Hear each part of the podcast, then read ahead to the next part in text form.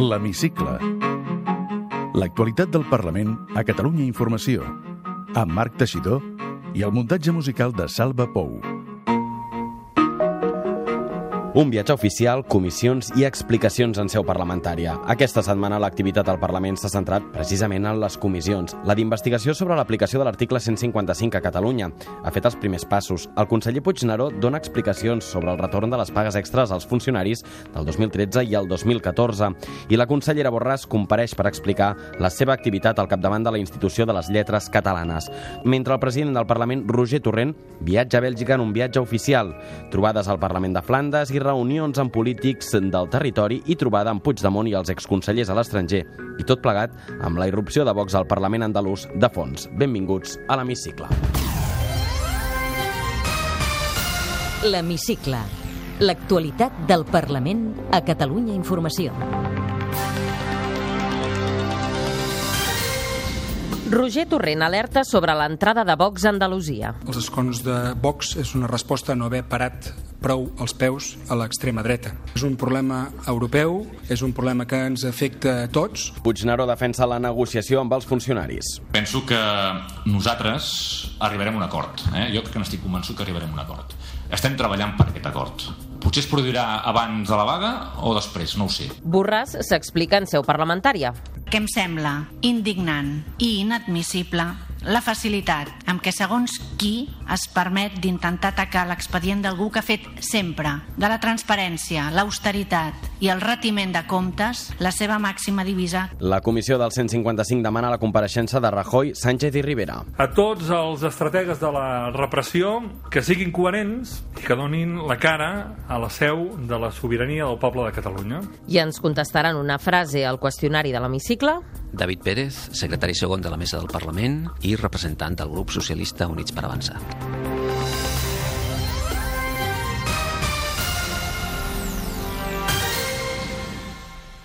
Aquesta setmana, sense sessió plenària a l'agenda del Parlament, el president Roger Torrent ha fet un viatge oficial a Bèlgica, visita al Parlament de Flandes i alguns dels seus representants a les institucions europees i trobada amb Carles Puigdemont, Meritxell Serret i la resta d'exconsellers. Tot plegat amb el rerefons de les eleccions andaluses i la irrupció de Vox. L'entrada de l'ultradreta a les institucions posa en alerta la classe política i comencen els retrets i els intents de treure's tota responsabilitat de sobre l'auge de la formació de Santiago Bascal. Ho repassem amb Àngels López. Roger Torrent es refereix a l'entrada de Vox al Parlament d'Andalusia en una visita al president flamenc i reitera la seva postura sobre Catalunya amb motiu d'un conflicte diplomàtic amb Espanya. Torrent condemna la irrupció de l'extrema dreta a Espanya, no ho vincula al rebuig promogut per Vox contra l'independentisme i denuncia que no es freni els ultres i sense mencionar el PP ni Ciutadans demana que no s'hi pacti. Els escons de Vox és una resposta a no haver parat prou els peus a l'extrema dreta. És un problema europeu, és un problema que ens afecta a tots, per tant els demòcrates espanyols i els demòcrates andalusos s'han de preguntar per què avui hi ha diputats d'extrema dreta al Parlament andalús i per què avui és més necessari que mai que marquem aquest cordó, aquesta frontera, aquesta línia vermella. Paraules del president del Parlament després de reunir-se amb el seu homòleg flamenc que reitera la seva denúncia pels empresonaments dels líders independentistes, que ja va originar problemes diplomàtics entre Bèlgica i Espanya. Roger Torrent continua la seva visita i es reuneix a Waterloo amb Puigdemont. La vaga de fam d'alguns dels líders empresonats centra la reunió, de la qual també en surt el compromís de fer pública una estratègia unitària per als pròxims mesos. És la primera reunió entre Puigdemont i Torrent després de gairebé un any. Sintonien els gestos i els missatges, aprofiten per donar suport a la protesta greu i contundent que fan alguns dels empresonats, la vaga de fam de Jordi Turull i Jordi Sánchez, a la qual se sumen Joaquim Forn i Josep Rull. Puigdemont defensa l'acció i la reserva dels presos. enviar-los tot el nostre ànim, el nostre suport, la nostra solidaritat i afecte personals i també eh, agrair-los el gest de, de coratge de denúncia, que és el que estem fent també des d'aquí. Sobre la unitat de l'independentisme, la trobada entre Puigdemont i Torrent arriba l'endemà d'una cimera de grups sobiranistes i entitats a Waterloo. Els dos defensen la unitat tal com la reclamen els ciutadans. Hi ha un clam que, trans, que recorre Catalunya en uns moments delicats, eh, que ens demana la màxima unitat. I volem enviar un missatge al poble de Catalunya eh, que nosaltres estem fent tots els esforços que calguin per, eh, per poder respondre a aquest clam aquesta trobada s'inscriu també en aquesta voluntat de cosir aquesta estratègia, de cosir aquest plantejament unitari i de poder-lo plantejar a la ciutadania d'aquest país, que, com ha dit el president Puigdemont, ha d'estar molt tranquil en aquest sentit. L'augment de l'extrema dreta també centra la trobada i Puigdemont denuncia que s'enculpi l'independentisme i vincula el creixement de Vox al rei en aquests termes. El discurs del rei del dia 3 és un discurs que afavoreix o no el creixement de Vox?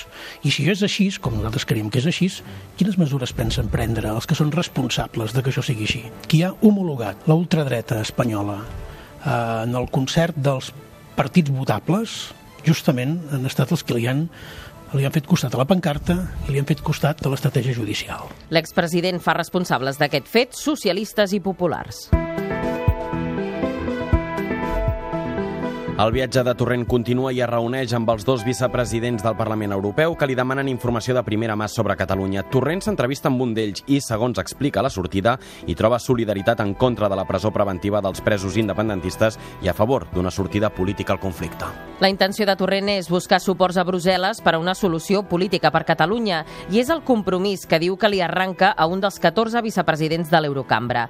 Són els contactes de més nivell a la Unió Europea després del referèndum de l'1 d'octubre, almenys públicament. Torrent també reuneix amb el president del Comitè Europeu de les Regions, crític amb els empresonaments. Reunions d'alt nivell, però que, segons explica Roger Torrent al matí de Catalunya Ràdio, no són per buscar suports pels empresonaments. Han mostrat la seva preocupació i el seu interès per saber què és el que passa a casa nostra. Òbviament som conscients de que ningú es posiciona respecte a quin estatus ha de tenir Catalunya en el futur. Aquesta és una qüestió que haurem de decidir finalment els catalans i les catalanes, però sí que demanem demanem que es posicionin al costat de la democràcia. Això ho fan en privat. Deixem Bèlgica i tornem a Catalunya, concretament al Parlament. Allà l'activitat se centra en les comissions i el conseller de Polítiques Digitals i Administració Pública, Jordi Puigneró, compareix per explicar l'estat de les negociacions amb els treballadors públics pel retorn de les pagues extres del 2013 i el 2014, entre d'altres reivindicacions. Tot plegat mentre a les portes de l'edifici s'hi concentren un centenar de representants sindicals i funcionaris. Una protesta prèvia a la vaga convocada per dimecres de la setmana que ve, després que la Generalitat modifiqués el calendari pactat amb els sindicats i endarrerís l'inici l'inici del retorn d'aquests diners fins l'any que ve. Sentim Daniel Checa, de l'USOC, Xavi Martínez, de la UGT i Andreu Martí, de Comissions Obreres. Ens han fet la proposta d'un calendari eh, a 8 anys i pensem que és indecent. La segona proposta del conseller va ser un altre insult, és un altre menyspreu als treballadors. Evidentment, és inacceptable. No ens afiem perquè hi ha acords signats, no, no s'ha arribat a complir-lo. El conseller d'Administració Pública, Jordi Puigneró, en la compareixença en seu parlamentària, es mostra convençut que aviat hi haurà un acord. Penso que nosaltres arribarem a un acord. Eh? Jo crec que n'estic convençut que arribarem a un acord. Estem treballant per aquest acord.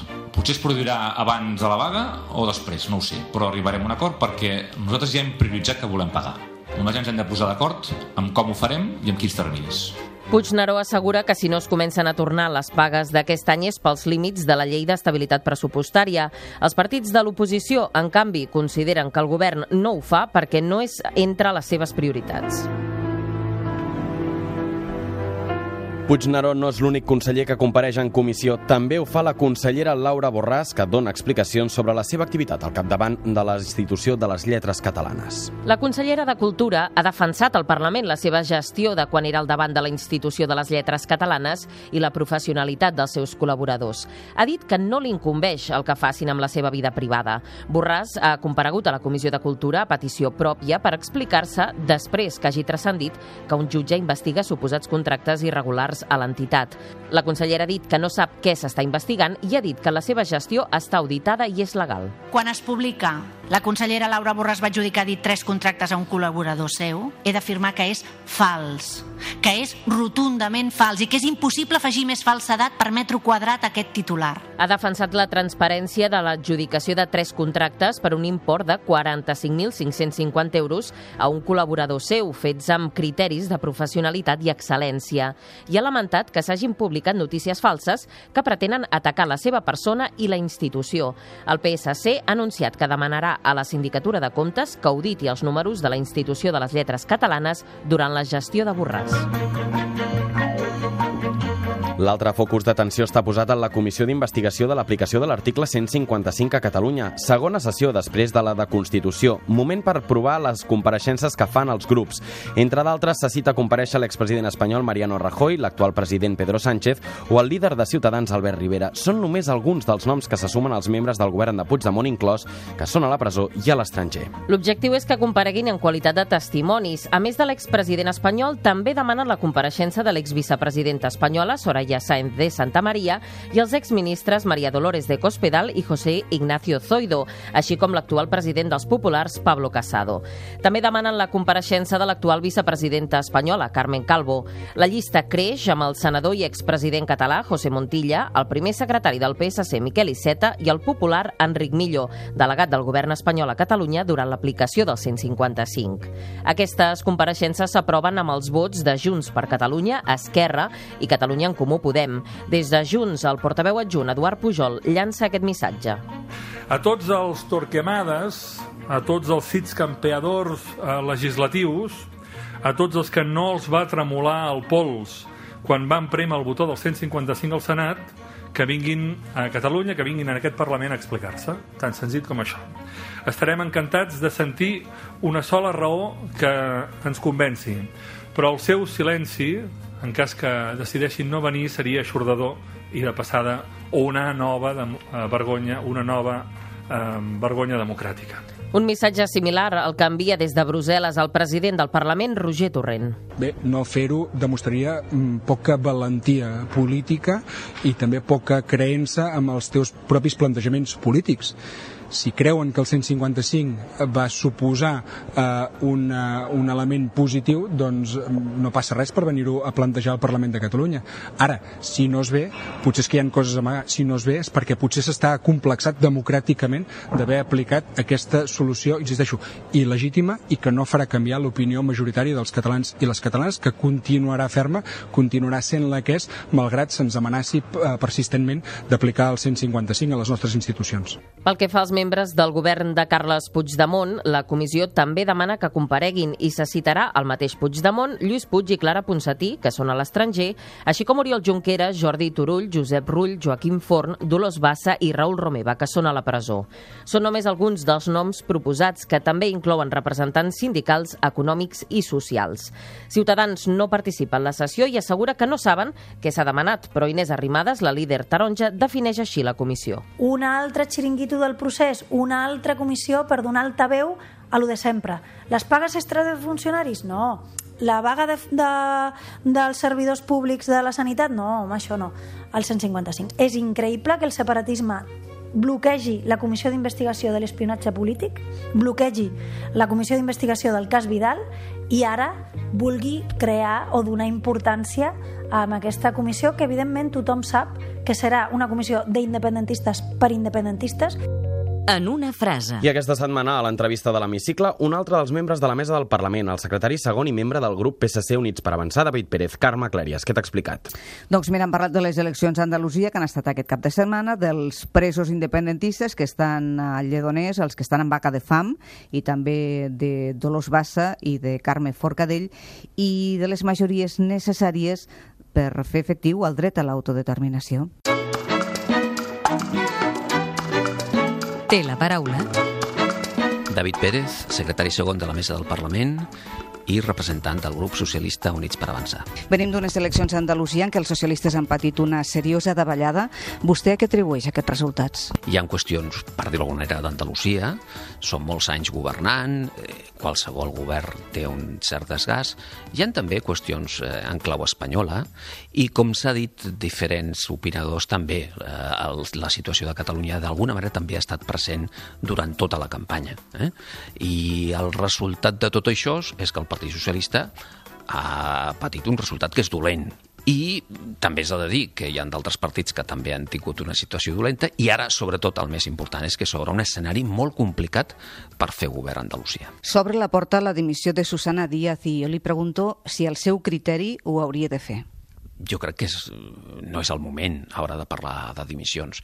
Hem d'esperar a veure com queda el govern andalús. Podríem dir que Pedro Sánchez ha acabat guanyant el pols amb la dirigent andalusa, que d'altra banda és un pols que ve de lluny?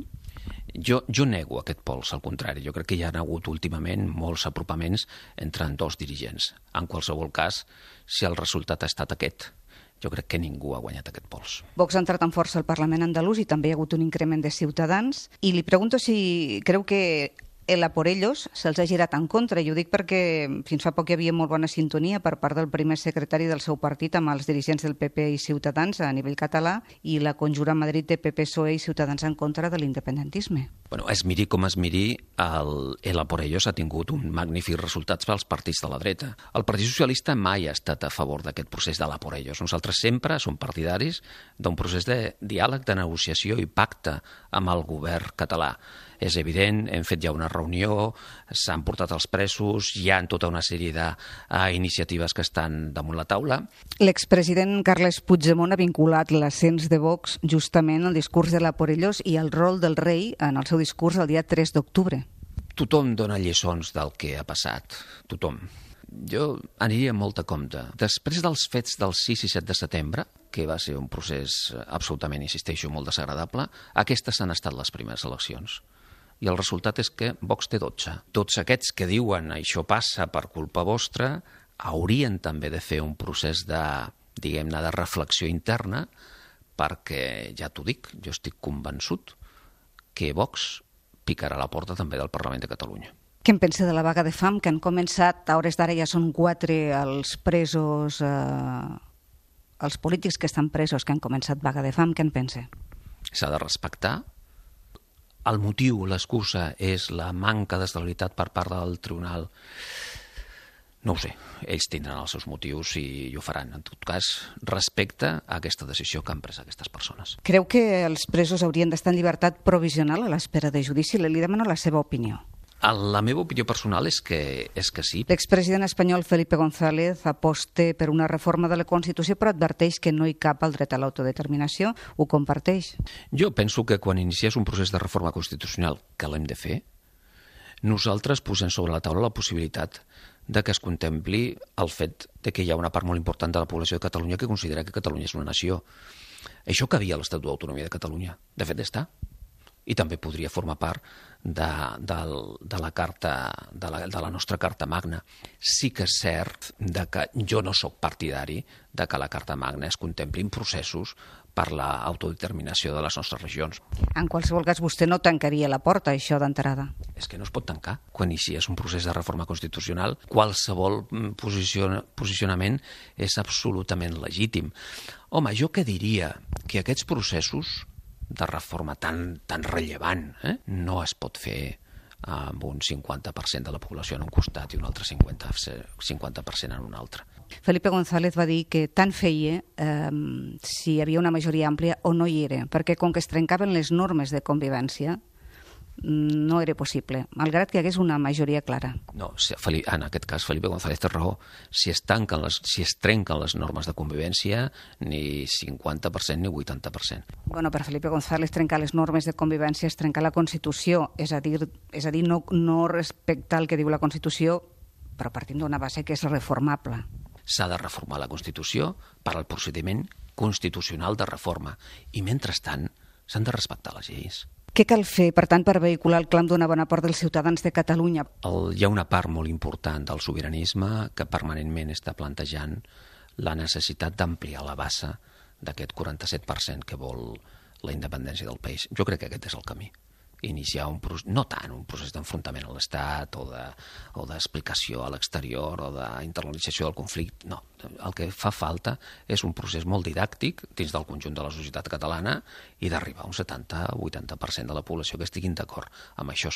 Si això es produeix, això seria, jo crec, imparable. Quan hi hagi eleccions a Catalunya, vostè seria partidari d'un tripartit amb els partits constitucionalistes si poden evitar que governin els partits independentistes? Jo sóc més partidari d'un altre tipus d'acords amb un altre tipus de forces, que en aquest cas són les forces d'Esquerra. Ara, si Esquerra Republicana continua la línia que té en aquest moment, també això seria molt complicat, no? Per tant, estaria d'acord, si això fos així, en fer un govern amb PSC, Ciutadans, PP, per exemple? Si hi ha una majoria constitucionalista en aquest Parlament, personalment penso que seria molt complicat plantejar un altre tipus de govern. Com s'ha de fer perquè tothom tingui dret a una vivenda digna?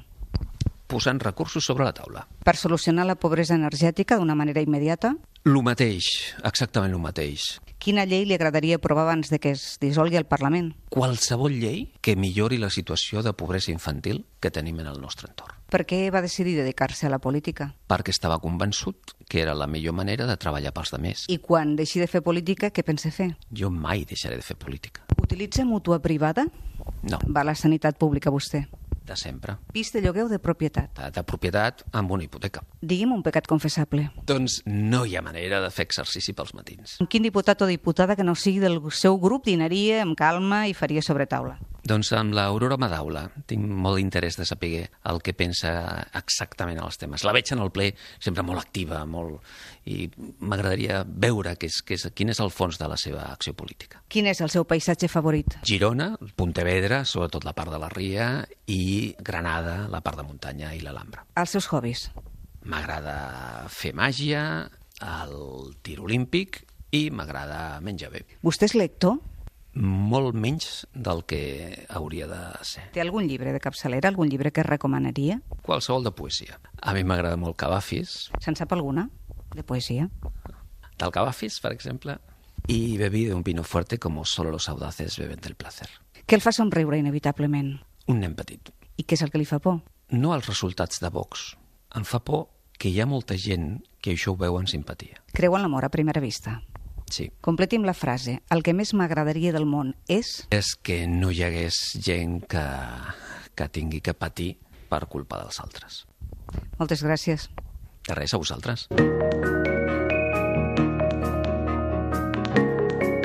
I la setmana que ve a l'hemicicle repassarem tot el que es desprengui del ple, que entre d'altres coses inclou, a banda de la sessió de control al president i al govern, la compareixença de Quim Torra per explicar l'entrada d'Alfred Bosch a la Conselleria d'Exteriors. Podeu tornar a escoltar l'hemicicle al web catradio.cat barra hemicicle o al podcast del programa i seguir l'actualitat del Parlament al perfil de Twitter arroba L-hemicicle.